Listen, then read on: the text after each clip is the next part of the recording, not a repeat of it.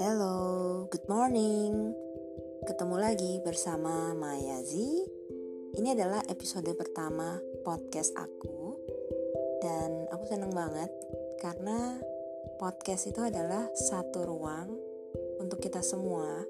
Kita bisa sharing, lalu aku bisa menceritakan hal-hal yang sudah pernah aku rasakan dan hal-hal yang aku pikirkan termasuk juga buku atau film yang aku pernah nonton dan membuat aku bisa menjadi orang yang well lebih relax kemudian lebih tenang dan semoga teman-teman siapa pun yang mendengar podcast aku bisa selalu mendapatkan hal berarti.